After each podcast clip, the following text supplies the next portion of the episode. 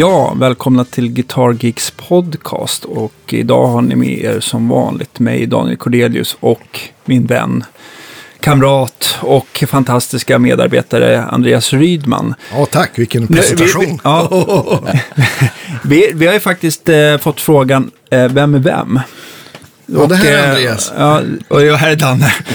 Nej, Andreas har mustasch eh, och alltid keps. Och jag, jag har ibland keps och jag har ingen mustasch.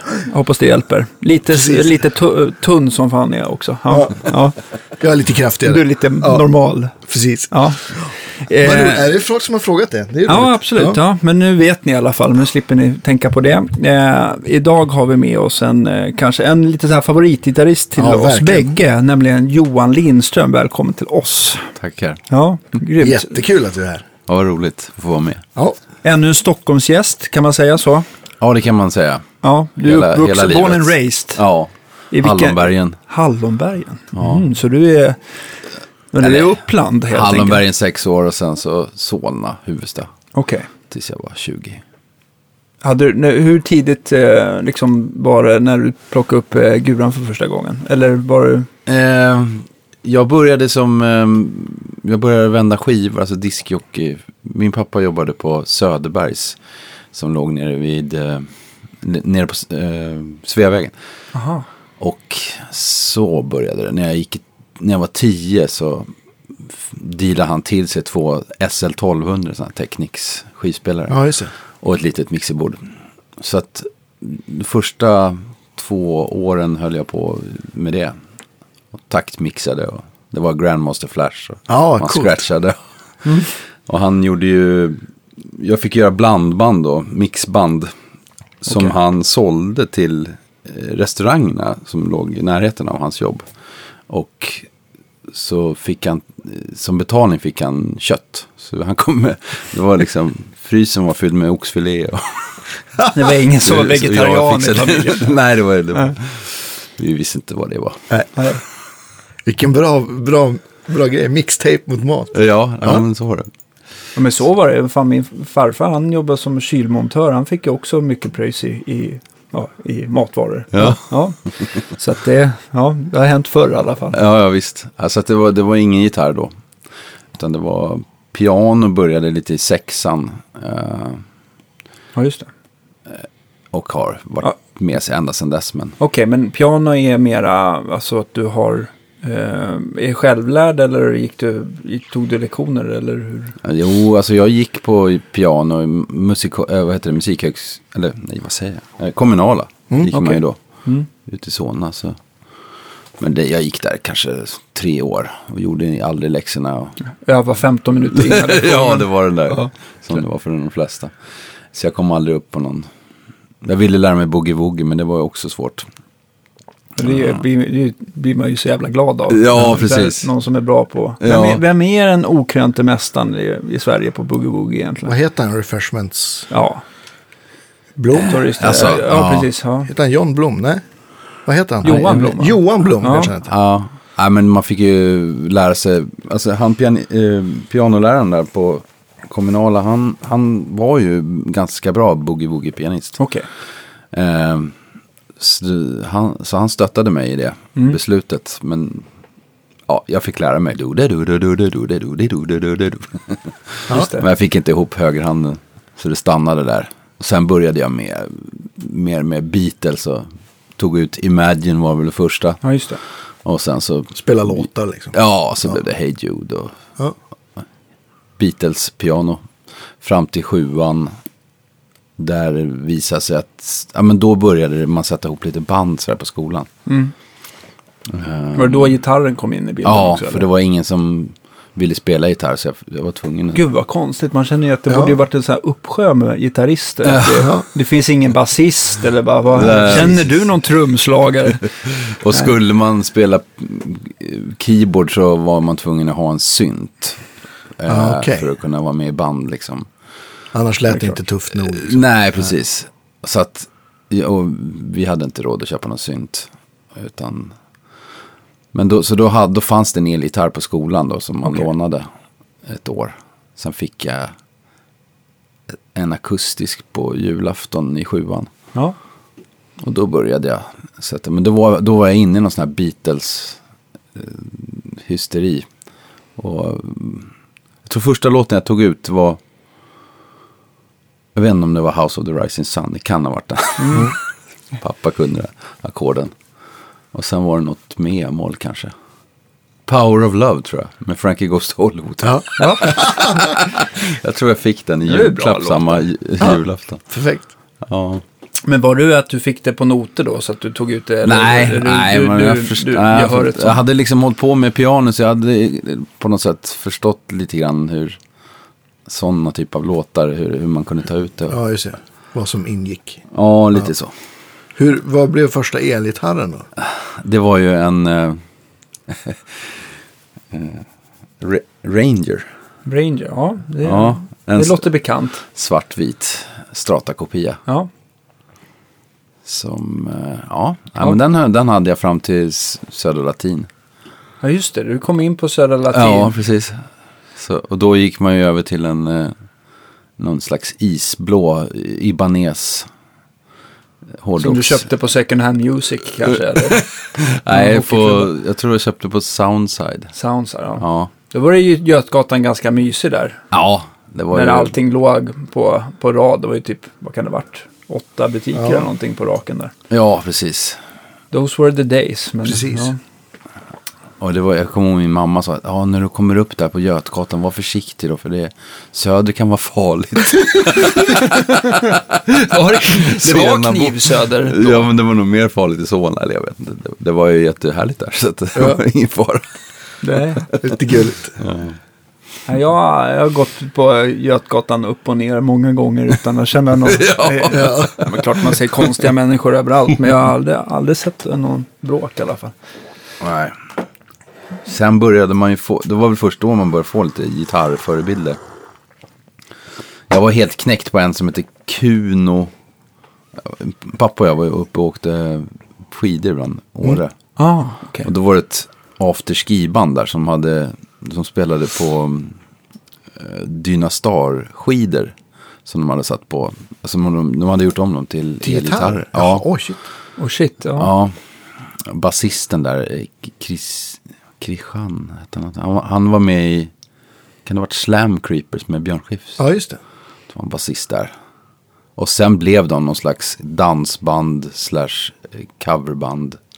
Afterski-band. Och då, det, var, då, det var nog första gången jag liksom hörde en gitarrist spela Touch med ZZ Top. Sådär. Och jag förstod inte det här med att man skulle liksom hålla, eh, hålla alltså kvinter eller, eller, eh, sek, eller vad heter det? Kvarter. Kvarter Ja. så. Att, det- att det blev så fett. Ja, just det. Det öppnade en ny värld. Ja, det var, så jag var helt knäckt. Så nej, det, det var ju st- stort. Då gick man kanske åttan.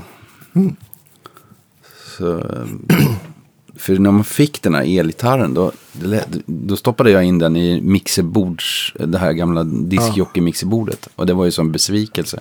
Ja, visst. Det lät inte rock. Nej, det lät ju inte alls som jag hade. Jag, jag hade en, en liknande också med min första elgitarr. Så gick jag till min kompis pappa, han var pastor i Pingstkyrkan. Så där hade Ja. jag ju sett något som jag trodde var gitarrförstärkare. Men det var så här Just det. sångmonitorer. Och så kopplade jag in och så. Ja. Och det gulliga var att jag trodde att det var fel på, det var en ASCII-kopia, att det var fel på switchen. Och det var därför det inte var någon dist i gitarren. Nej, exakt. Jag trodde det skulle vara det där ljudet direkt. Ja, det var det som var elgitarr. Ja, ja. jag trodde också det. Ja, det lät ju som den akustiska som man hade hållit på med. Så, nej, det var tråkigt. Då gick man ner till förstärkardoktorn. Eh, Danko. ja, på Thomas Danko. Vasagatan låg det då. Och så frågade ja men det ska låta liksom så här. det gör inte det liksom. Han bara, lilla vän. Ja, då, ja, då garvade de åt mig. Du ska ha en sån här. Ah, hörde ni grabbar? Han, han vet inte vad en distbox är. Sen så fick jag då köpa en Arion Distortion där. Okej, han, han bad inte köpa hans här förstärkaren han gjorde. Nej, det var inte han som hade ställe i backhopparn, utan det här var någon yngre kille. Jaha, okej, okej. För att, för att eh, Thomas Danko, alltså förstärkardoktorn, han gjorde ju, det var ju rätt roligt, han gjorde ju en, en, någon rörtopp va, som, som eh, han skulle döpa till controller för att han hade ju så bra EQ. Men eh, det blev ju ett U istället för O där. Ja, så den hette Cunt Roller. Ja, precis. Det var ju en stor hit i alla fall. Så har ni någon sån där ute så håll hårt i den. För den Ja, okej. kommer bli värd pengar. Är pensionsförsäkring. Men det var inte sån du fick. Du fick en Arion-dist istället. Ja, en Arium blev det. Ja. De här plast... Eh, Ja, precis. Ja, man fick trampa, precis. lag, trampa lagom hårt på dem. Ja, så att de inte precis. gick. Ja, det var en väldigt känslig historia. Men då fick du ljudet i alla fall. Ja, Ja, och var ly- lycklig sen. ja lärde du- precis. Plankar du Tash sen då? Så att du, då du kom hem Ja, från... ja då jag. plankade jag. Ja. Så var jag en kille på skolan också. Jag gick på Adolf Fredrik då. Mm. Det var en kille som hette Esbjörn Örvall. Ja. Han kunde den där. Eh, så Det är jag- en kommande satt gäst. Ja, Ja, definitivt. Ja, alltså han kunde ju den och han kunde ju lite Kiss-låtar. Och, Så han hade kommit ganska långt. Jag satt och tragglade de här Frankie Goes to Hollywood. Alltså The Rising Sun. och, ja, precis. Eh, så rocken kom in väldigt sent i, i mina fingrar. Men var Billy Gibbons, har han varit en förebild sedan dess? Eller var det bara just den Nej. låten som... Nej, det var nog Billy Gibbon. Det, det kom nog först när jag var 20. Och, och köpte liksom, började köpa lite gamla CC Top-skivor. På Nice Price CD. Coolt. De, ja. Vilka var de första förebilderna? Du sa att det var han i coverbandet med Dinosaur. ja, precis. Uh, Fick ja, du någon mer där Esbjörn var ju där. Så, Ja. Sen så var, spelade jag med ehm, David Nyström som håller på fortfarande. Mm. Bra keyboardist. Han, eh, vi hade ett band som hette Kanon Kalkon. Som vi satte ihop i åtta. Bra namn. Ja, och jag ville ju då spela så här coverbandslåtar.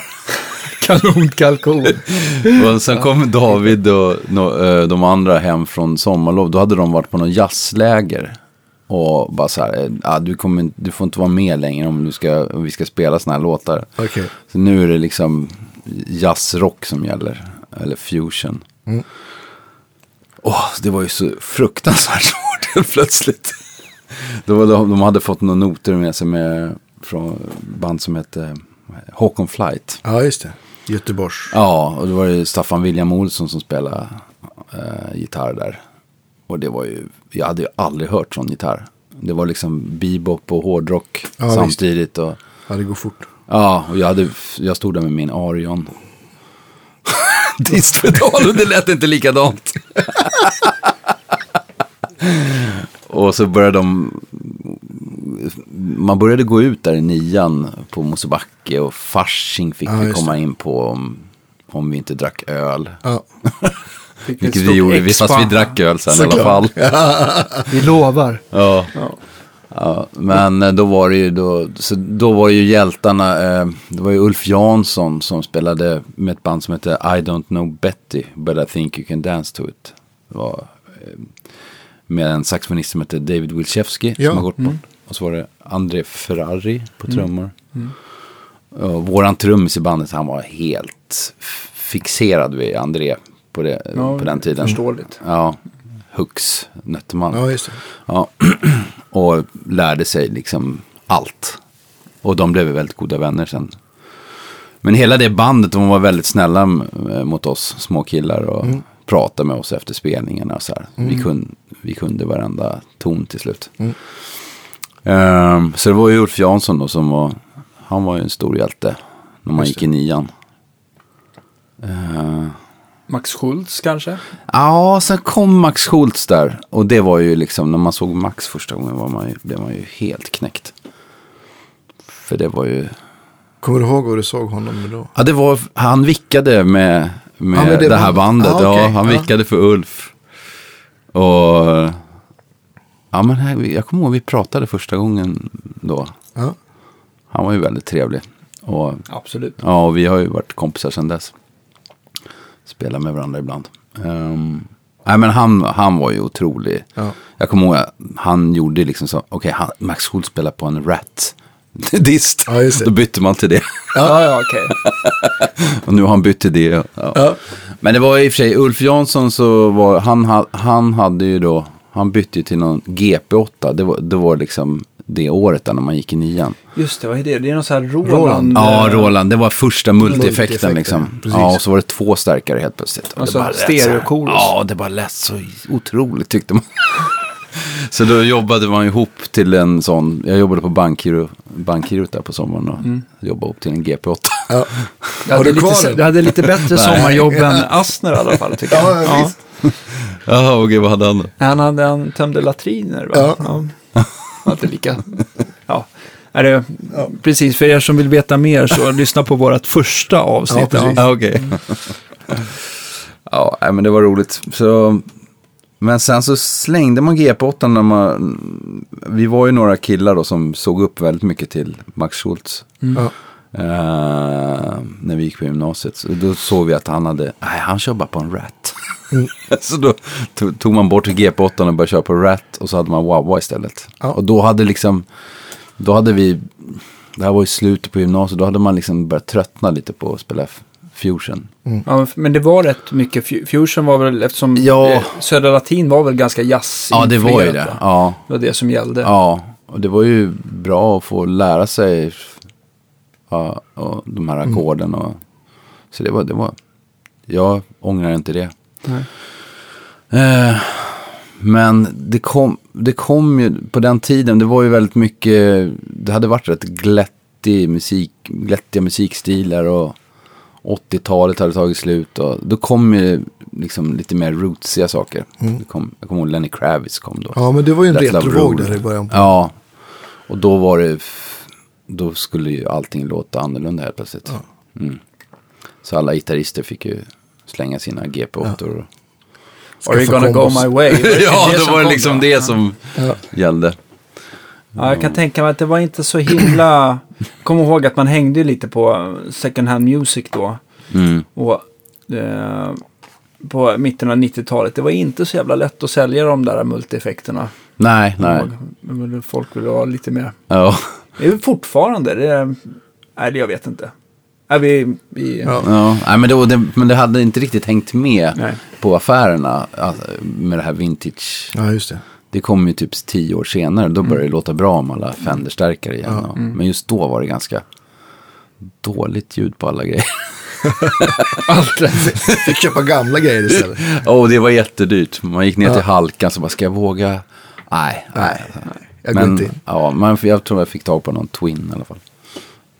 Men det var väl en sån retro, alltså även in, inom liksom så soul och funk blev det också en sån retro Exakt, där liksom. verkligen. Mycket också tack vare Erik Gadd och Blackness-gänget. Och, I alla fall i Stockholm. Ja, Så det, jag såg ju väldigt mycket upp till eh, Mattias. Liksom, Ja, hans, hans fantastiska gitarrgrejer han gör på de här skivorna till Ja. tio. Och, eh, Gadd och Ja, ju, så det var ju väldigt inspirerande. Mm. Och vi spelade ju då med Jon Rekdal som hade raggat upp oss från, från eh, plugget. plugget. Ja. och han, hans gamla band var ju det här Erik Gadd-bandet. Det var Magnus Frykberg, Martin Jonsson. Ja, och- okej. men de spelar ju med? Gadd nu. Så vi, och, men han, så vi gick den skolan och liksom, Mm. ja men du måste lära dig spela som Mattias Torell. Och, Han är trumpetare va, Rekdal? För, Eh, ja, han är ja. trumpetare. ja. för de som ja, inte vet För, ja, precis. Det var, det var en väldigt bra skola för det var... eh, När man gick på Södra Latin, då, ja, då ska man spela all, alla olika stilar och så bara gör man det på något sätt. Mm. Medan sen förstod man liksom när man kom ut att ja, men det här är inte, det är inte på riktigt. Du måste ju bottna i det du gör. Mm. så ja, Jon fick ju en att börja liksom köpa gamla James Brown-skivor och Mm. meters. Och, Ja, just det. och, och även mycket reggae. Och, så jag kom in på det då, afro, reggae och, Ja. och sånt. Uh, Och det- vilket ledde vidare då till Dag Vag som var Stig Wig ringde Just mig. det. Ja. Ja. Eh, Så var, det var mitt första band som jag var med i. Och, eller första turnén, Mm. sommarturnén. Var det en ganska massiv sommarturné. Var det folkpark? ja, det var, eller? ja, det var nog sista sommaren som man kunde spela i folkparker kändes det som. Okej. Eller, jag vet inte, men det var, vi spelade i alla fall några folkparker. Och sen dess har jag inte varit i någon folkpark. Nej. Det dog väl ut där. Jag tror folk fick fler tv-kanaler eller någonting. Ja, det kommer de mest cityfesterna börjar komma där på mitten 90 va? Borde det ha varit. Då blev Ja. det så här stadsfester av allt Ja, precis. istället. Det här var väl 92 då, Ja. 20. S- Sen var det mycket stadsfester. Mm. Ja. Men det var väl en rolig upplevelse antar jag med Dag Vag. Ja, det var, det, var, det var kul. Och då gick man mycket på Multikulti och köpte skivor. Just, Just det. det. På Götgatan. Sankt Paulsgatan. Sankt Paulsgatan, ja. Finns den och kvar? S- Steve Rooney. Nej, Nej. det lades ner men jag tror att de...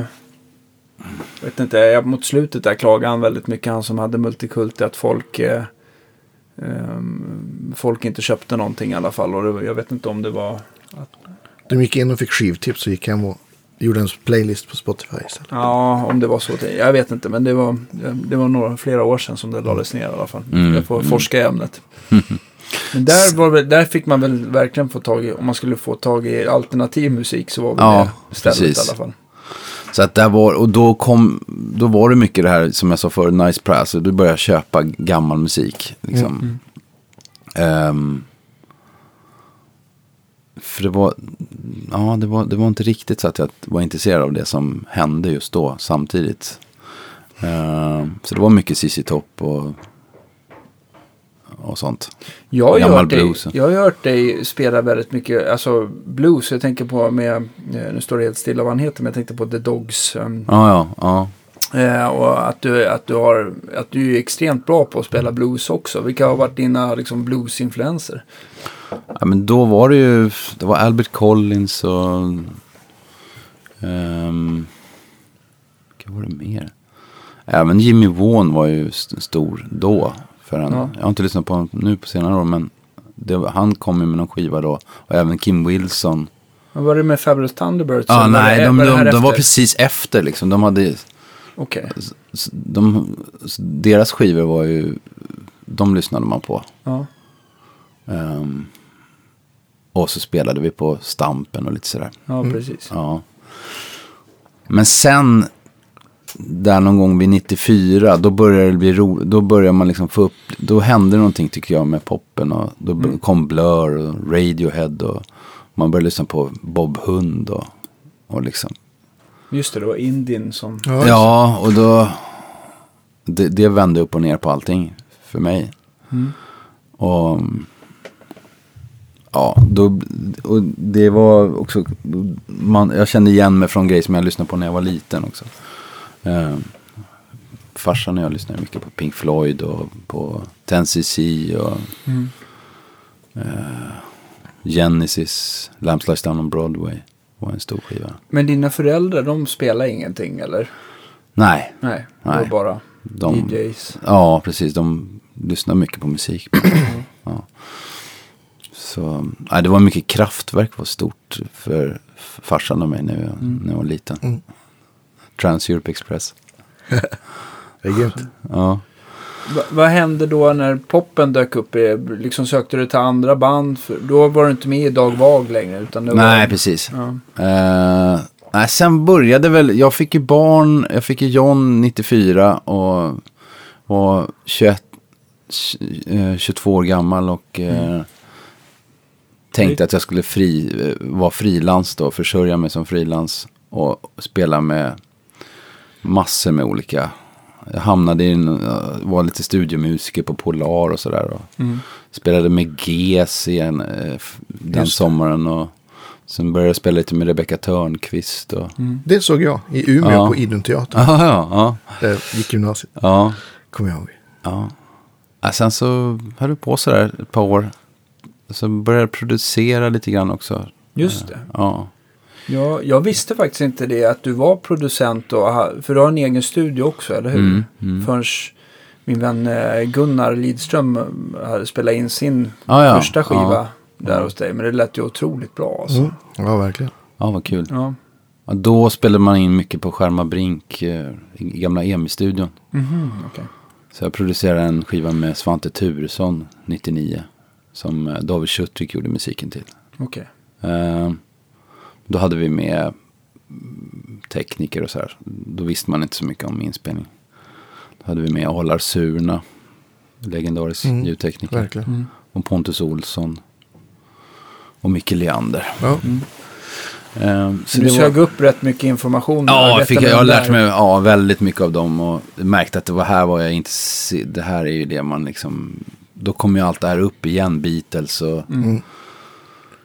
Även den här How Dare You då som är Tennessee som var väldigt, eh, som jag tycker är fantastisk fortfarande. Eh, alla skivor de har gjort är inte så bra men just den skivan tycker jag är väldigt bra. Det är produktionsfest. Och där någonstans började det ja, då börjar jag bli, börja tänka mer på inspelning och snöa in på det. Ja. Och varför, alltså de första åren och- som man kom att spela in så kände jag att vad, vad jobbigt det är. Det är. Det är inte som i replokalen eller på spelning. Det, det låter så mycket sämre allting.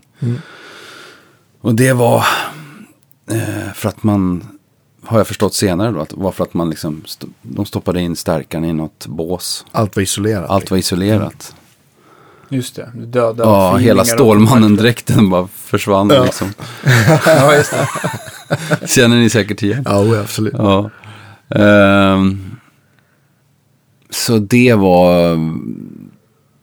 Det där, det där, det tog ett par år, men sen så började man förstå efter ett tag att, men vänta, det är skönt om jag öppnar dörrarna lite och det börjar läcka in i varandra. Det, då börjar man känna igen sig som det är i replokalen. Och, Ja, fast det, då kan du inte ändra och sådär sen. Nej, okej, vi stänger igen då. så, så fick det vara sådär ett par år. Men sen eh, eh, köpte jag mix, eller ja, jag köpte ett kallräckbord vid 2001, 2002. Min mamma dog i cancer så fick jag ärva. Eh, nej, var, jag kommer inte ihåg, det var 200 000. eller något. Och Ja, då köpte jag, för de pengarna så köpte jag eh, Ett bord. ett bord. Ja.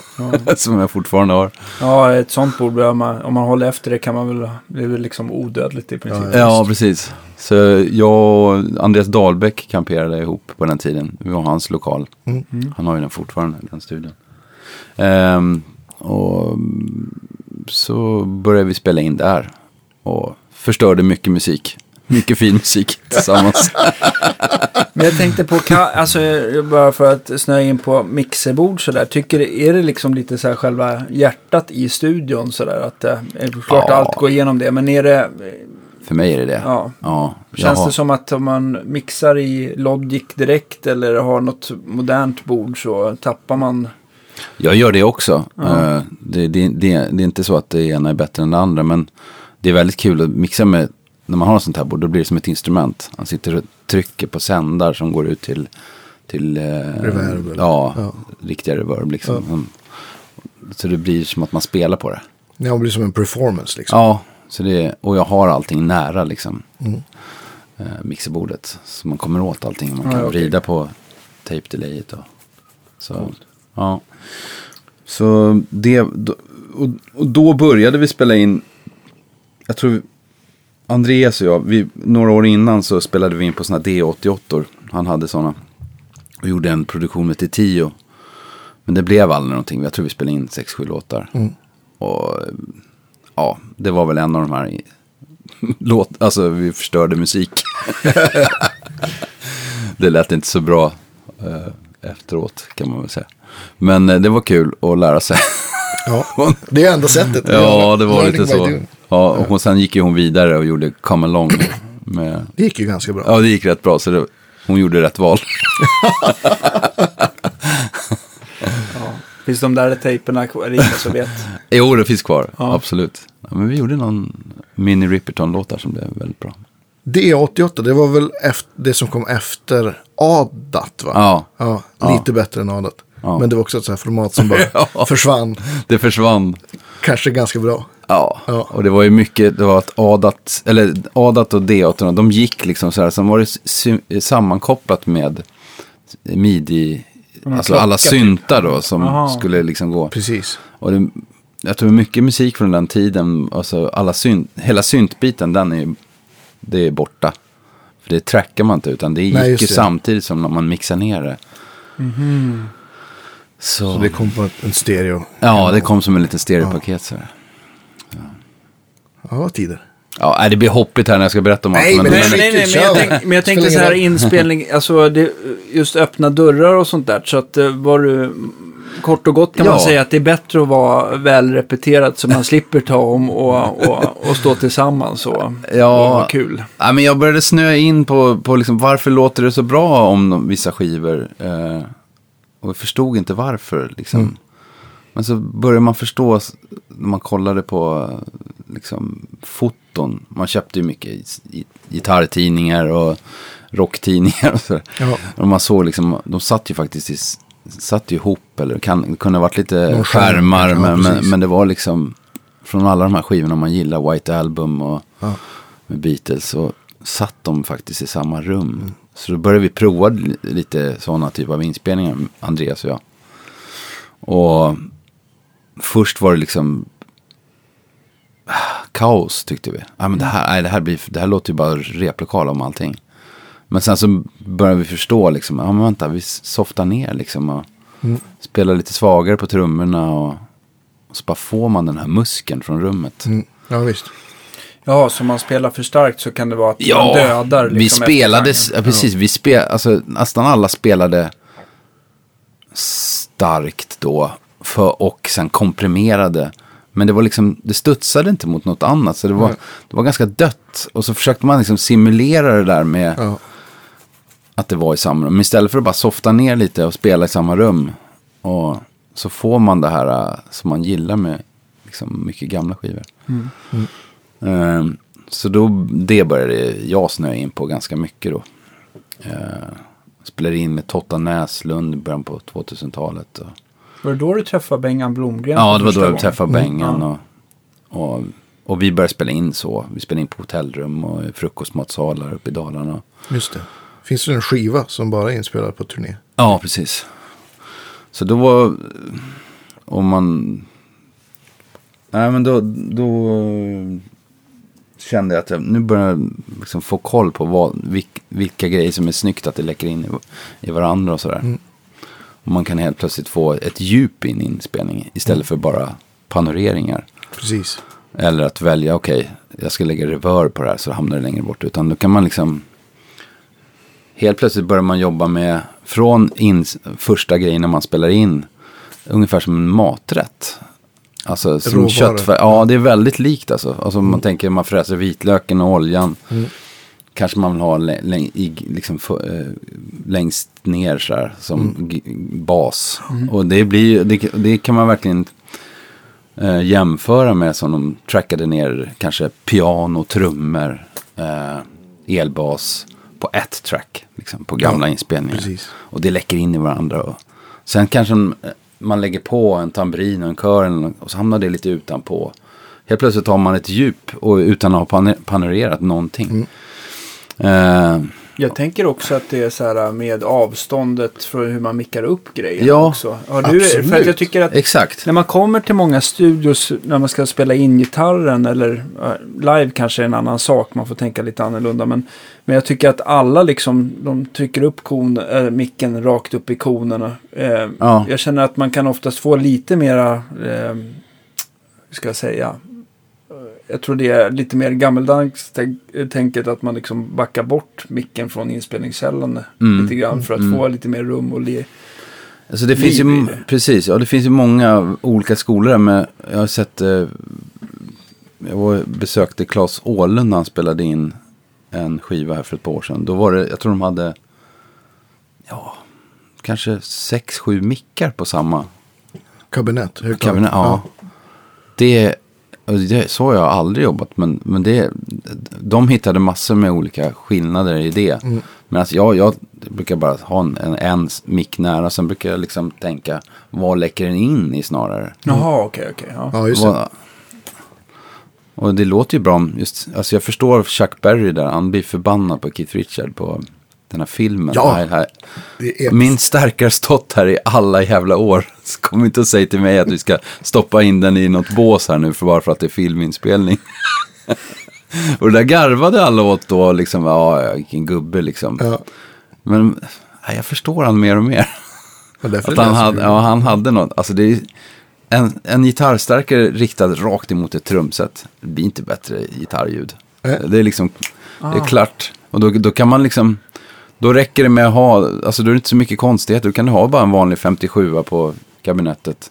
Mm. Men det är vad som händer För sen. närhet. Det är vad som händer sen i, i, i trumljudet. Det är där liksom halva gitarrljudet är. Coolt. Ja. Och, nu ska, och då behöver det inte vara speciellt många mickar på... Nej. Jag och- tänker också modernare truminspelningar. Då är också så här man nästan... Är det, kanske onödigt mycket mickar ibland. Men det beror på Ja, stil precis. Och det är ju, eh, alltså, jag förstod inte varför, jag kommer ihåg att vi skulle försöka få ett trumset att låta som Hey Jude-filsen. Ja. Ringos fils där.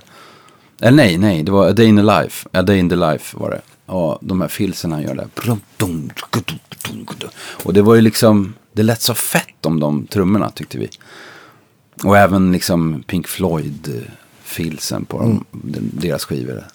Men det var just det att de, de alltså, man förstod att det, det, det är inte så mycket mickar. Utan har man de här jättenära på pukorna, och, då blir, kan det bli liksom väldigt sådär detaljerat. Men man får inte det här sjunget. Rymden. Nej, rymden. Med, liksom. med mer attack och anslag Ja, precis. skinnet och Ja. mindre... Och sen att det kanske faktiskt också läckte in till pianomicken eller något sånt där. Och det var halva trumljudet. Ja, så, ah, Så, det rikta, här- i- ja. rikta gitarrstärkan rakt mot trummisen. Det, Ja. That's it. Ja, nej, men det där är, det är en rolig grej att snöa in på. Det där, det kom, ja, vi håller for, fortfarande med det. Ja. Mm. Det är kul med ljud. Ja, det, Vansinnigt roligt. ja, det är väldigt faktiskt. roligt. Vad vad var vi annars rent karriärsmässigt Tror vi var- här, innan vi spårar ur eller spårar in? eller Sent spårar... 90 tror jag. Ja, ja, sent Du och 90, ja. Dahlbäck höll på Ja, att förstöra till tio inspelningar. Jag tror det var den. Precis. Var det Ja. där det stannade? Ja. Nej. Ja, sen hade vi ett band som hette Selfish med Lina Englund, Ja, skådespelerska. just det kommer jag ihåg. Ja, och David Schutrik. Eh, Så vi spelade ihop, eh, vi gjorde en skiva och sen så andra skivan skulle vi påbörja. Då, den, kom, den kom aldrig ut. Vi Nej. spelade in i ett eller två år. Och spelade in själva på Logic och D88. Ja. Det var lite liknande till tio-scenariot. Det hände ingenting med det. Nej. Så vi la ner.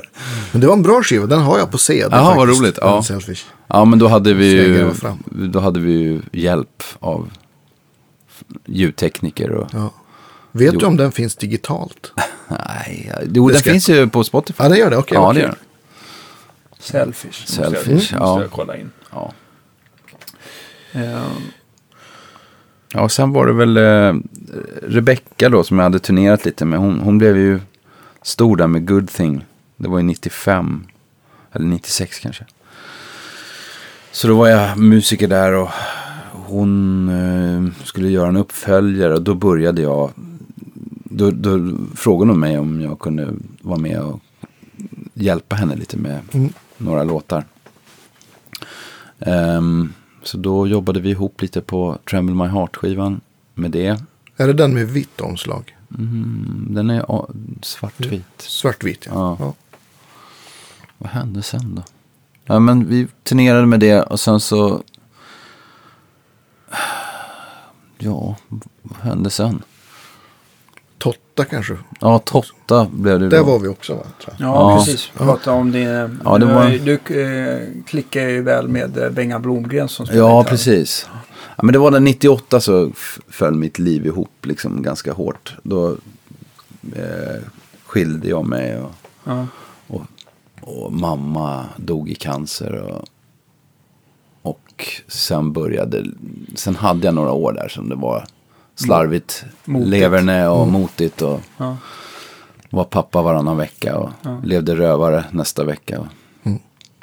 Eh, men träffade, sen träffade jag Susanne och kom på fötter igen. Och vi fick Edvin 2001. Och där någonstans, då hade jag liksom kommit igång igen och börjat tänka att ja, men nu, nu får jag skärpa till mig. Och då hade jag köpt mixerbordet där och Mm. satt igång. Och då var det Totta Näslund som, ehm, som jag var lirade med. Han hade bokat både Bengan, Staffan Asner och Ola. Oh yeah! Så jag kom dit. Gitarrfest. Ja, och så kom jag till, till studion och bara såg det här. så jag sa, ja, men jag sätter mig och fikar lite. Så. Ja. Får, ni, eh, får ni köra utan mig tror jag. Eller, det är väl ingen idé liksom. Gitarrfest. Och då sa Totta till mig, kom du, du ska producera nästa skiva, sa han. Okej. så vi hade några år där, där, vi- där jag gjorde tre skivor med honom. Sen dog han 2005. Och då hade det liksom satt igång lite. Jag jobbade ganska tätt ihop med Kjell Andersson på EMI. Just det. För det var eh, för honom vi gjorde Totta-skivorna. Eh, Och då började jag samarbeta med Fredde Wadling. Och producerade Jag är monstret, heter den skivan. Ehm. Och ja, vad hände mer de där åren? Men jag tänkte, när du jobbar som producent, var, var du eh, också så att du liksom mixar skivan i slutändan? Eller Precis. var tekniker och visste var alla mickar skulle stå? Du var liksom allt, eller hade du alltid en tekniker med dig? Eller? Nej, så vi hade på första Totta-skivan som vi gjorde på turné heter den. Den, den hade vi med oss, Pontus Olsson. Men, och det var väl samma år som jag köpte mixerbordet och började lära mig det. Eh, sen började jag mixa skivorna själv. Ja. Eh, från och med Fredde Wadling. Är det roligt att, eh, att liksom få vara, göra allting från liksom ax till limpa lite grann? Att man liksom man ställer, sätter upp mixa, mickarna och till slut mixar det, Ja. hela? Eller är det skönt att också leja bort saker till någon annan som är fräscha öron Ja, istället? alltså Eller- jag tycker nu att det verkligen är det. Att, lä- att man ska vara flera. Men då ville jag på något sätt bevisa att jag kunde allting. Ja. Okej. Jag, jag gjorde alla stråkarrangemang också. Hade någon sån här, nej jag klarar allting själv mentalitet. Mm. Nu är det verkligen inte så. Nu vill jag Det så kan, många som möjligt ska ja, jag, jag kan, Avlastning. ja, men personligen kan jag känna om man ska liksom, ska man vara producent, gitarrist Ja. eller något annat och tekniker så sitter man åtminstone på en stol för mycket. Ja, ja, verkligen. Ja, men det gjorde jag de där åren. Och jag gick ju in i väggen och det, man blev vresig till slut. När man sitter och liksom ska vara ljudtekniker. Och, för då hamnar man i en, ändå i någon slags serviceroll också. Kan, "Ja, mina hörlurar här funkar inte, kan Ja, du fixa precis. dem? Och, Man springer och drar kabel. Ja, och dra sen ska man helt plötsligt spela. ja, nej, så det funkar inte. Ehm, men det insåg jag några år senare. så jag höll på några år där och gjorde allt. Man inser när det är för sent. Så. Ja, lite. Uppvaknandet. Ja, men då lär man sig vad man inte ska göra. Ja, men precis. Nej, men sen så satte vi, vid 2008, då, då dog ju Esbjörn. Och eh, Dan Berglund och jag hade ju lite kontakt under åren. Vi blev kompisar 99. Då var vi nyskilda och, och spelade med Per Texas Johansson-bandet. Och hade liknande leverne. Ja, och, ja, lite grann. Och vi hade... Ja, men det var nog Per Texas som eh, övertalade mig att spela pedal steel med, liksom, i sådana sammanhang. Eh, så jag ringde Dan då när Esbjörn hade dött och kollade läget. Och sen så sa vi att, ja, men, ska vi inte ta och börja spela igen? Och då körde vi något år bara hemma hos mig sen med en gammal trummaskin. JJ Cale trummaskin typ. Och gjorde lite låtar. Och då sa han att ja, men jag har option på att göra en skiva på akt. Så ska vi inte sätta upp ett band. Så, och så började vi fundera då på vilka vi skulle ha med. Eh, vi, och då, vill, kom vi fram till att vi ville spela med Martin Hedros båda två. Eh, keyboardisten i Soundtrack of Our Lives. Och sen hade vi, vi Magnus Persson var med på trummor. Eh, första tiden där. Men det, vi, sen så frågade vi Andreas istället. Andreas Verlin. Eh,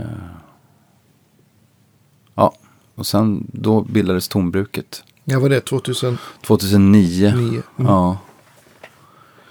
Så då kommer man igång med någon helt, helt annan, det är en helt annan fas i livet. Mm.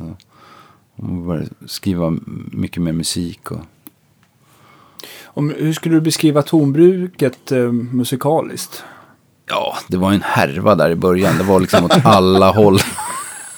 Vi liksom försökte hitta något. Så här, vad, vad, är det vi ska, vad är det vi ska Ni uttrycka hade, ni egentligen? hade den här löken som bas. Och så Ja, så- ja, det var, sen ni var det ketchup och koriander och... ja, det var... Men vi fick väl till några, några låtar där. Eh, och... Ja, men det var väldigt mycket som hände då och jag hade skatteskulder och det var småbarnsåren. Min grabb började på ishockey. Och... Så det var, det var, det var... Allt på en gång. Ja, det var, det var stökiga år alltså. och skrev en mässa för kör. Med- shit. Ja, och den, han, jag hann inte få in den i tid och det var... Jag kommer ihåg vi skulle söka in då för att få jobbet till den här mässan. Eh, så det var med en eh, musiker och eh, han är pastor också från Gotland. Han heter Thomas Boström. Han, skulle göra, han gjorde texten och jag gjorde musiken. Och så skulle vi då framföra det här Sigtuna som en slags ja, prov. För att få jobbet. Och då är det ju då Halleluja och Agnus Dei och så vidare. Som, är, som det alltid är i mässor. Och så när vi skulle dela ut noterna på Agnus Dei så började det liksom bli så sorl i lokalen. Så säger jag att ja men då kör vi igång. Eh, Och i, det känns som att ingen lyssnar på mig. Okej, okay, Okej, en, två, tre. Så bara, nej, det, ingen börjar sjunga. Är det något problem? Frågar jag. Ah, det fattas ett G här, säger någon. Och så försöker jag titta bland tonerna. Nej, jag förstår inte vad de menar. Och så ser jag då på titeln. Så fattas det ett G i titeln. Så det står anus. Det är, Åh, episkt. Åh, vad roligt. Ja, är det något problem? Vad är problemet? Ja, alltså det var, ja, det var en resa. Ehm, Ja, shit vad roligt. ja. Men det, hela den grejen, och jag fick skriva om hela, hela musikbiten i, för hela mässan. För att det var, jag hade skrivit för eh, komplicerat. Det var, visade sig att det var för blandad kör, alltså amatörkörer Ah, i hela. Sverige som skulle sjunga. Ja, ja, ja. Jaha, okej. Så det var liksom, Men var det för kör och orkester eller? eller? nej, det var för kör, orgel och harpa, kontrabas. Alltså hur skriver man en sån mässa? Ja, Oavsett hur avancerat det blir. Alltså man, man, man kan ju liksom inte ta in massa polare som kan Nej. prova att sjunga stämmorna direkt. Utan hur liksom, hur... Nej, jag, jag sjunger in och gör Ja. på piano. Liksom. Alltså ungefär som man har gjort stråk. Jag har gjort stråkar under alla år också. Ja, just det. eh, Men skriver du notläsningsprogram eller skriver du för hand? ja, Eller? då skrev jag för hand. Men skickade in då en massa exemplar. Var, jag var ganska, ganska trött på att få, Jag fick alltid skit för att det, det var så fult. Och Ja. stråkkvartetterna klagade jämt. Och. Mm. Så att, men där någonstans började jag liksom ta det på allvar. Så att då köpte jag ett Sibelius och, och så träffade jag Hans Ek som är fantastisk arrangör och dirigent. Just det. Och person. Han, ehm, han, jag gjorde ett, mitt första symfoniorkestrar då, 2013 för Ebbot. Och Hans tog in mig. Ja, men jag, ja, jag ser vad du har gjort här. Ja, men Det här kan bli bra så här. Men här, får du, här får du tänka på. Och så måste du liksom skriva i alla, all, all dynamik. Vi, det går inte att sitta på Sveriges Radio och ödsla tid på sånt. Jag bara, Nej, okej. Så han blev lite mentor. Ja, alltså han har verkligen varit mentor för mig och lärt mig mycket. Ja, så men- efter det så har jag försökt lära mig mer och mer och, och kommit in i någon ny period i mitt liv där jag övar mycket piano och, Ja. och ja, spelar klassisk musik. Och, så nu gör jag mycket sånt. Jag ar- arrar Så för både storband och, och- ja, ja. och för symfoniorkester. Och, Kul. Ja, så det är en väldigt rolig liksom, komplement till, till det här andra. Ja. Som man har hållit på länge med. Men tonbruket, ni har gjort, hur många plattor? Fyra? Fyra har Ja. gjort. Ja. Första var i Norge, andra i Abbey Road. Ah, Sen var vi i Hamburg tredje. Abbey Road, är, den, eh, är det bara känslan av att vara där eller är studion lite bättre? Eller vad, Nej, vad kan det man var, säga? det var inte att det var bättre. Det var, det var mer att vi bara, en grej. ja, att som för alla nu, att det är liksom, man vet inte. Det kan vara en sista skiva man spelar in. Ja. Alltså det, det är inte så Nej, att visst. allt är självklart längre med att man får hålla på. Så att vi kände att mer som en, äh, det här får vara semester för Ja. oss. Var i London list. en stund. Ja. ja, men visst. Så det var ju fantastiskt att få uppleva. Eh, Jag, jag kom bara på att jag måste fråga hur du gled in på pedalstil. Ja, Ja, du, lä- du ja. läser mina tankar. Ja, vi får hoppas här framåt. Ja, ja men, det är, men så har det alltid varit i våran podd. Ja, ja, så att, eh, det, är bara, det är lite karusell. Ja. Men jag tänkte på, du, eh, vad jag förstår eh, och vad jag också har hört, att du liksom, det låter inte typiskt så här countrystil när du spelar. Du har liksom en egen stil, kan man, Ja. kan man säga så Andreas? Ja, det tycker jag verkligen. Eller håller du med om det, rättare sagt? Mm, ja, kanske. Alltså, det, det, det var nog mer att jag var begränsad. Att jag inte... Jag kände att det var eh, ingen idé på något sätt att spela som de gör Mm. over there. det, var, det finns så många som är bra på det. Ja. Ja. Men det var nog eh, alltså, Ola Gustafssons fel allt från början tror jag. Och mm, han, han, ja, men han spelar ju fantastisk slide då. Ja. Ja, han visst. spelade med ett band som heter Deep. Eller In Deep. Eh, det här var ju 90, vad var det? 97 kanske. Nej, 96. Nej, 94. Ja, skitsamma. Men han, han spelade ju slide ungefär som man spelar pedalstil. Uh, spelar bakom då. Ja, just spelar med, Ja, la till fingrarna. och Ja, spelar visst. inte bara på sliden utan. Det är lite mer tekniskt än Hound Taylor kan man säga. Ja, verkligen. Och det, där, det var, jag var ju otroligt imponerad av det där. Och lärde mig det också. Eh, men kände att, att jag efterapade Ola lite. men det, var, alltså, det, har man ju, det har jag ju gjort i alla år. Efterapat alla jag älskar. Så det, det är ju det man gör. ja, visst. Svårt att låta bli. Ja, och sen så försöker man gå vidare och ta det till något eget. Ja. Eh, pedalstilen däremot var... Den var liksom, det var rätt svårt redan från start. Men det verkar ju helt eh, omöjligt Ja, det är ju- instrument. det är ju, Ja. det är ju vi hade- skitsvårt. Vi hade ju Nicke, Nicke Widén. Nicke Widén här och som eh, demade med eh, Ja. stilen här och visade Ja. alla, liksom, Ja. vad man kunde göra. Ja, är det... Det, ja. Ja, men jag hade nog sån här, jag ville få det låta som Gabby Pahanino som spelar på Rycooders Chicken Skin Music. Ja, just det. Men jag förstod inte att det var lapstil han spelade på. Det är mycket rundare och härligare ljud egentligen. Mm. Men, eh, så det soundet och kanske också Bill Frisell som inte spelar pedalstil alls. Men mer hans känsla. Liksom. atmosfären av det. Liksom. Ja, hans liksom attityd, hur han spelar och kommer med. Så det var nog där, de två världarna. Ja. Liksom Hawaii-världen. Jag lyssnade mycket då under den här tiden på 90-talet. In, alltså som jag sa när jag lyssnade på mycket, vad heter det? Mycket Roots. ja, mycket multikulti. multikulti och roots. Då var det ju Hawaii var ju en stor del också. Soul Hoppy kanske. Ja, Soul Hoppy och precis. Mm. Ja. Eh, så det var ju, alltså Jerry Bird. Ja. är stor, Ja, det är nog visst. den största favoriten. Lever han än tror Nej, jag tror han är död. Ja. Men han är nog liksom, Han bodde ju där också. På ja, Hawaii. han har gjort en skiva som heter Master of Tone and Touch. Yeah! Vilket han verkligen är. Nej, men han spelar så fint. Det, det är det jag ska hålla på med sen när jag blir riktigt gammal. Mm. Spela lapstil. Ja. Jag kommer ihåg första jag hörde dig spela pedal steel. Det var nog den Texas-plattan. Ja, ja. Och det kommer jag ihåg att jag såg på Fasching också. Jag var helt så här mesmerized av, Jaha.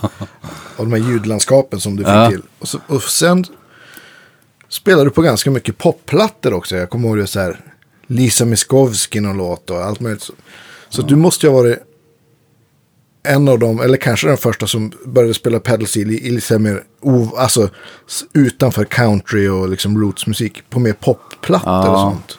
Det var, det, ja nu låter det töntigt men, att säga så, men det var nog så då. Ja. Ja, det var ju, de flesta garvade åt mig när jag ja, bestämde mig för att spela, börja spela pedalstil. Jag köpte en Jönåker eh, på inrådan av Per, per Persson. Eh, spelade med Perssons Pack då. Mm. Den sommaren. Och han sa, "Nej, men du, du måste ju skaffa en pedalstil. Du sitter ju och spelar slide hela dagarna. Ja. Eh, så... Och då kommer jag ihåg att folk garvade lite. För de kopplade upp det med dansband. ja, just det. Det, countryn då, 95, 94 i Sverige var ju... Lasse Stefans och Kicken. Ja, och sen fanns det Absolute Country fanns det. Det var väldigt CD. långt ifrån black metal i alla fall. Ja, och då började man hänga där på, på vad heter det? Eh, vad heter det nu då? På Götgatan fanns ett café där. Det var två snubbar som, som jag blev kompis med. Som började, de stod och spelade Birds-låtar. Och, Men var det uppe i, på pucken eller var ja, det liksom... ja, vad heter Vad det? kan det vara? Alltså det som är rosa nu. Eh, inuti, eh, precis mitt emot eh, Vintage Guitars. Ja, det är en bar nu. Ja, Ja, det är en bar, det ja. det som var eh, Indigo hette det. Indigo. Just det. ja. Det hette det då också. Men de spelade sån liksom bra country. Och man fick upp ögonen för John Prine och, och sena Birds. Och, så då kom liksom, var, då kom det, och sen kom ju Wilco och liksom mycket Precis. ny country från Amerika som liksom inte var Så det där country, glättiga countryn. Utan som var lite mer alt, alt country. Mm. Så det då, ja man åkte med allt det där. Mm. Men jag, så det kändes aldrig som någon grej att liksom sitta och spela, eh, ska jag säga, Buddy Emmons Nej, pedalstil. Han spelar ju fantastiskt men det... det, han, det är lite grann som att försöka spela som Yngve. Det går liksom inte att göra det bättre än sådär. Nej, precis. precis. Och det är jävligt gjort. också. Ja, exakt. Ja. Inget ont om det, det är Nej, fantastiskt. nej, nej, precis. Så därför blev det nog som det blev. Alltså att man Ja. spelar, jag tänker nog mer som keyboard. Alltså som en det. orgel eller någonting. Mm. Jag tycker det är rätt många så här, som har börjat spela piano som sen tar upp gitarren. Och liksom, man, eh, man märker att liksom, ta tanken kring gitarrspelet blir på ett annat sätt. Mm, jag mm. tror, Mm. eh, just nu kommer jag att tänka på eh, Pelle Piano som, som spelar i, jag, jag vet inte om ni har Mm. hört han spela gitarr. Men han spelar jag verkligen på ett helt annat sätt Ja, än vad jag är van, Ja. van vid. Och är Ja. ballt och så. Mm. Även om man inte är så eh, jätteproduktiv numera. Men ja, eh, förstår. Men var du så här så att du var liksom självlärd på pedalstil? Eller var det Ola som eh, visade dig runt? Eller? Nej, Ola spelade inte pedalstil Nej, på okej. den tiden. Han lirade slide då. Eller han spelade gitarr. Men eh, nej, jag, jag åkte till eh, Janne Lindgren. Eh, är och han sa till mig att, ja han är död nu, men Mm. han, han var den enda liksom som spelade då. Mm. Och Jesper från Eldkvarn. Just det. Jag tror det var de två. Det var säkert en massa andra, men det var de man kände till. Ja. Eh, och de sa, eller Janne sa till mig, ja du måste ha boots och så måste du ha fingerplektrum. Annars kommer det aldrig bli på riktigt. Ja, Janne, Janne Lindgren var ju, jag, jag tog också lektioner av Ja, ja du gjorde det. Ja, han, han var ju verkligen så här, alltså, ja men finns det någon, någon ny bra country man kan lyssna på? Nej, det har Nej. inte gjorts någon country sedan 67. Nej, och, så, och så sa han, jag kommer inte ihåg nu, och så sa han så här, namnet på den sista countryplattan. Ja. Finns ingen countrymusik. Så han, han var ju väldigt så här, svart och vit med Ja, ja, hur det skulle vara. På ett Men han var underbart underbar. sätt. Ja, Ja, verkligen. Det var så här garage ute i, vad var det, Norsborgen och så. Ja, Sä- Sätra. jag. Ja, just Nej. det. Ja, Ja, någonstans där. Ja. ja. ja men det var, det var kul. Jag tänker så här, vi har ju hoppat över allt det här med, med eh, förutom din, eh, vad var det, mintgröna Ibanez där på 90-talet. Ja, just det. Vad har du använt för grejer? Har du Ja, haft det någon, så här, roligt. har du Ja. haft någon så favoritgitarr som har hängt med i vått och torrt i alla år? Eller har, du, har du kommit och gått med den?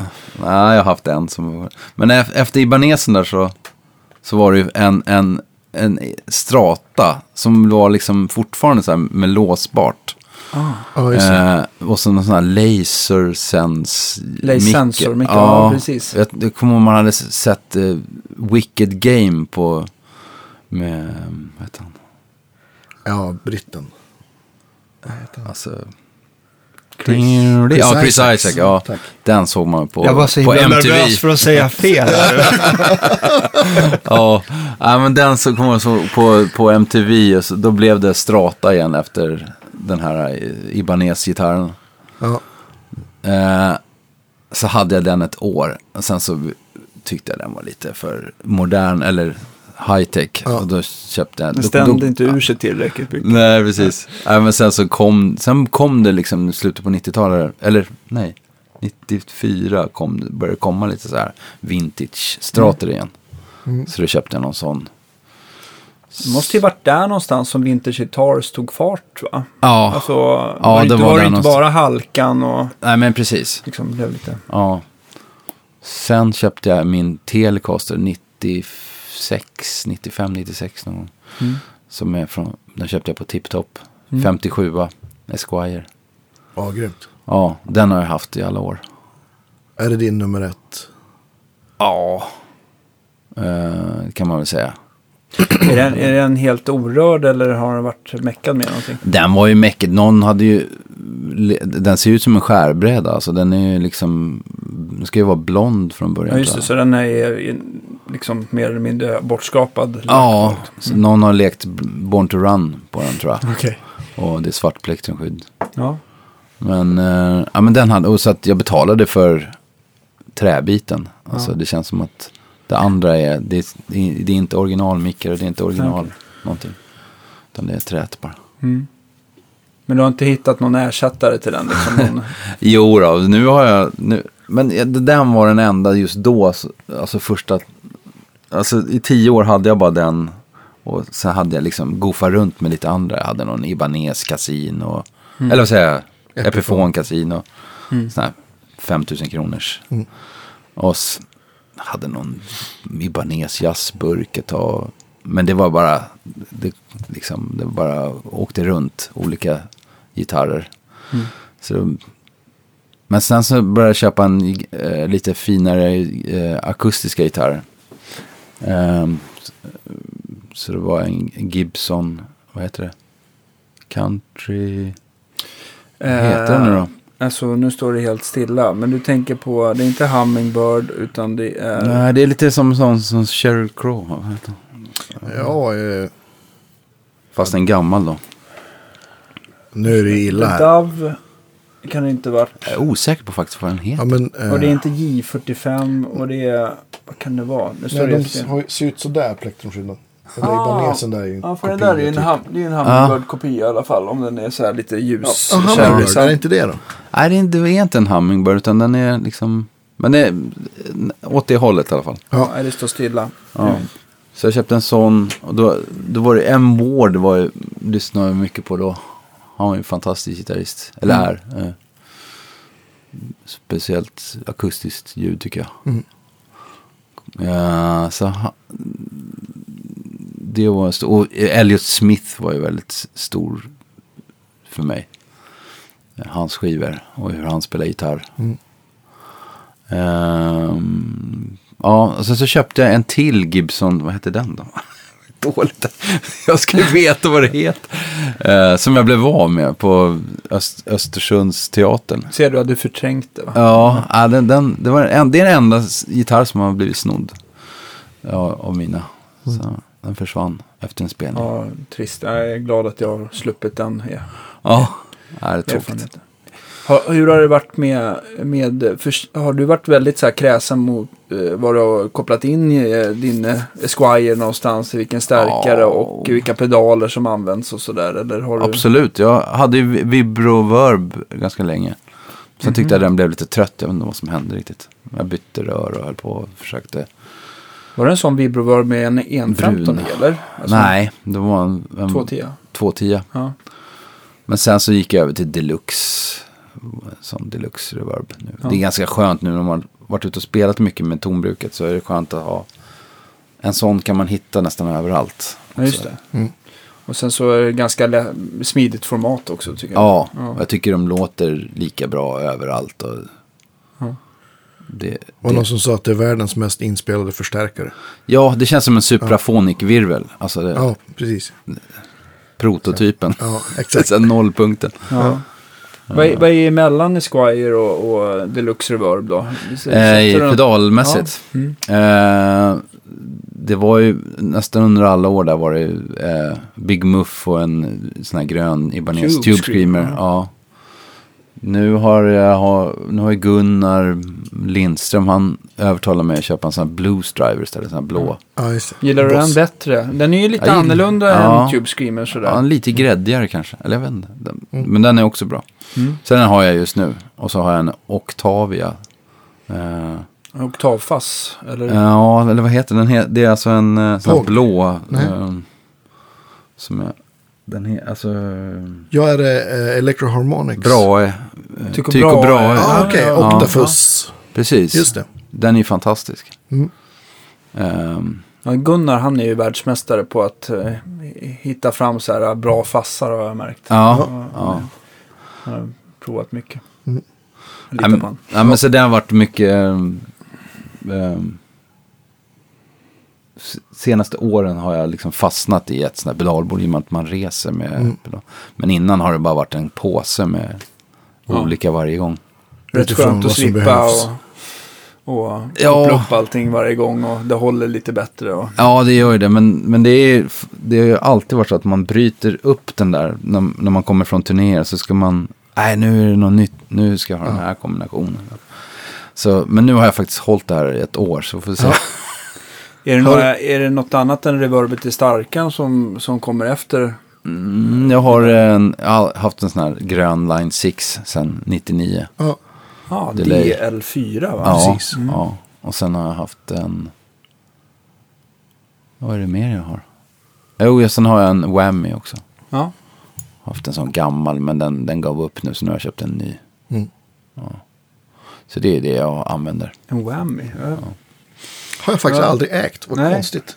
Jag har alltid, när jag har provat whammyn så har jag tänkt att den här är ju grym på det den gör. Och sen så har jag inte hittat något tillfälle att jag skulle kunna använda den i. Men det, jag tänker att det kanske beror på hur man använder Jag tänker ju bara på sån här eh, Tom Morell och, eh, Rage Against the Machine. Ja, just det. och, Ja. och Dimebag Darrell. Att det är det här lite som jag distade hårdrocksfacket. Ja, just mer det. att det är där man använder det. Hur använder du din? Eh, Jag, ibland använder jag den eh, på att man har en oktav nedanför som hörs samtidigt. Ja, just det. eh, När jag spelar på pedal steel. Då blir det lite Jaha, som en... coolt. Då kan man liksom bli som en kör nästan sådär. Att det blir... Hur, tar den bara den Alltså- lägsta tonen då? Eller hur trackar Nej, den? jag, Liksom? alltså jag spelar alltså tre, tre fyra stämmigt så här. Och så Ja. Ja, den triggar allt. spelar ganska ljust och så får man en, en hel oktav under. Det är ganska fint när man tycker om när det är så låga, alltså tätt och lågt, alltså lite för lågt än vad, Ja, vad det egentligen ska få I Ja. denna vara. stund så gick eh, Whammy-försäljningen upp i Sverige med Exakt. 2000 procent. Ja. Ja, nej men det, jag, jag tycker man kan göra fantastiskt mycket saker. Man kan ställa in dem på eh, just där oktavgrejerna och sen även bara spela så att den är en oktav ner och ha på fussen. ja, just det. Och det blir ganska så här, trasigt ljud.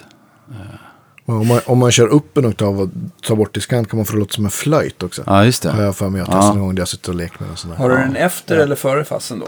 Eh, f- före. Coolt. Jag tänkte så här att vi kan...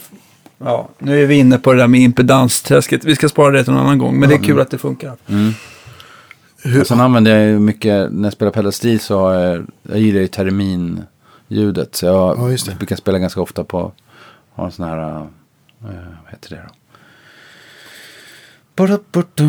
Vad heter det sånt man sätter igång vibration? Eh, Ja, du tänkte på en. Evo. Ja, en, ens, precis. Så då kan man få terminljud. ja, just det. Så det spelar jag ganska ofta med. Coolt. Är det också så här jättekänslig med, med strängar och strängtjocklek och att det ska vara nyjusterat och... Ehm, nej, alltså på elgitarr kanske det är känsligare men jag har inte tänkt på, på pedal steel är det väl alltid samma. Ja, Ja. ja. precis. Det går Ja. inte att göra så mycket. Ja. Nej, men med gitarrer kan det ju vara lite olika. Det känns Ja. som att det, telen nu är det 010 har jag där, men Ja, på jazzburken som jag köpte där på. ja just det. 175 Ja, där är väl 012 tror jag. Ja. Men det känns som att vissa typer av gitarrer, de, de, liksom, de är byggda för en speciell tjock. Ja, Ja, lite, lite så. så. Det är mer så. Ja. Nu kommer det till, men sätter man 010 på en 175 det blir ju som... Nej, det blir bara inte. gummi, Ja, visst. gummianka. Ja, Kör på din, på din, visst har du en dubbelhalsad stil va? Så du Ja, har både ja. E9 och C6. Ja, precis. Vilken spelar du mest på? Jag spelar ju lika mycket på dem. Ja, C6 spelar jag mycket drån, alltså Låga. ja, Black Ja. Sabbath-grejer och Ja. liksom. Black Sabbath-stil. ja, nej men det, det passar mycket till ton, tonbruket sen när man gör, liksom, ska göra låga saker. Ja. Vi, måste, vi brukar göra, försöka göra en, en, då vi kommer ihåg och hinner, en Spotify-lista med lite. Så det får du gärna. Ja, ja visst. kan vi ha det ja, som, får vi göra en. ja, Det är lite bra. absolut. Eh, vad tänkte jag på? Men du har ju också startat eh, efter eh, tonbruket. Du har väl det flera egna projekt också förutom tonbruket va? Ja, just det. Ja, jag har, eh, ha, har ett, ett band som heter Johan Lindström Septett som kommer ut med en skiva snart. Ja. Ja.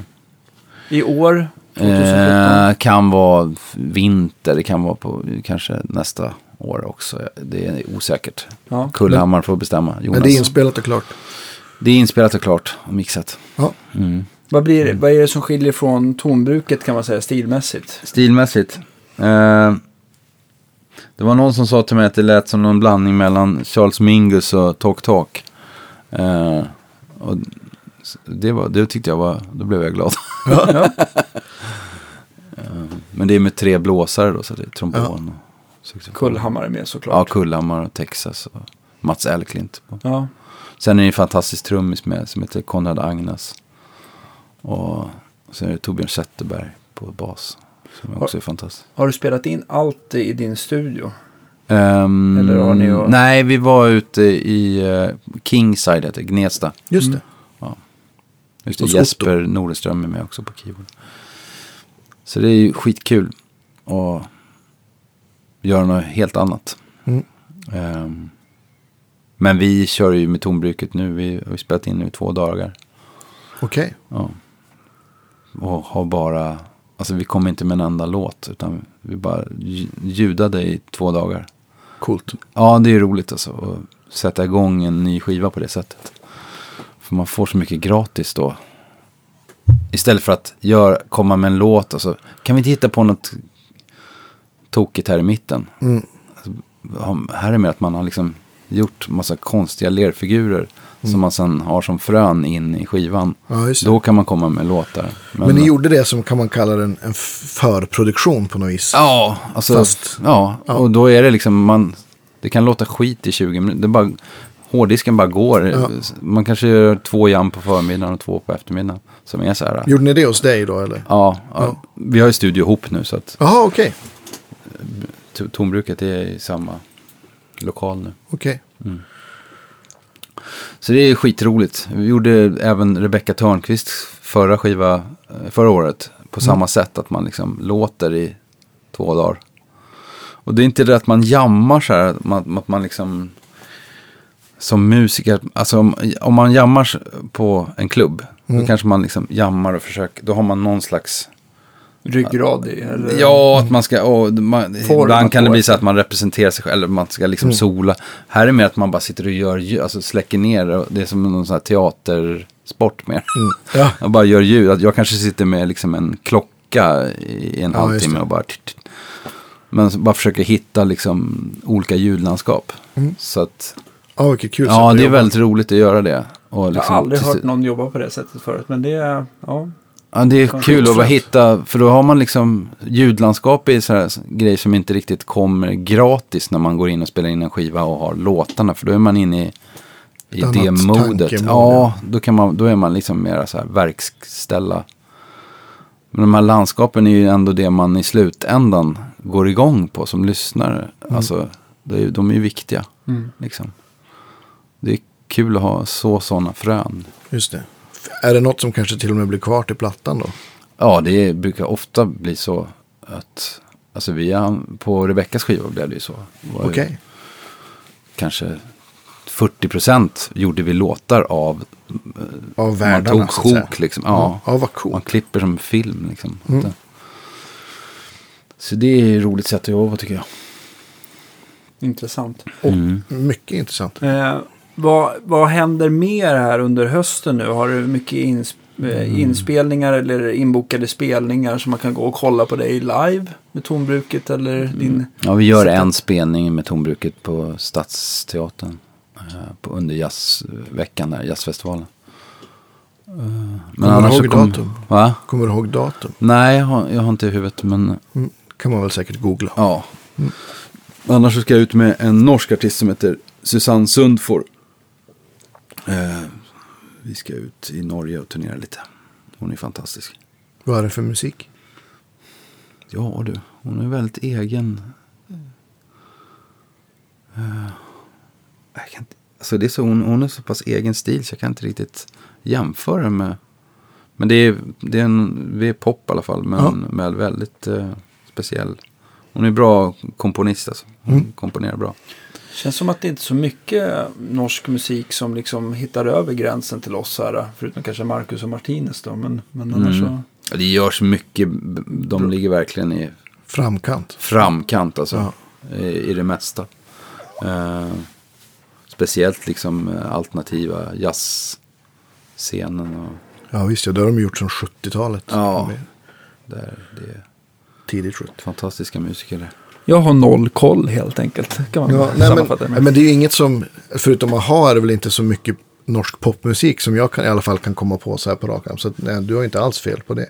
det väl, Nej men precis. Jag, känner, jag får i alla fall, jag har fått den här känslan av att det är svensk pop har lättare att fästa i Norge än vad norsk pop har i Sverige i alla fall.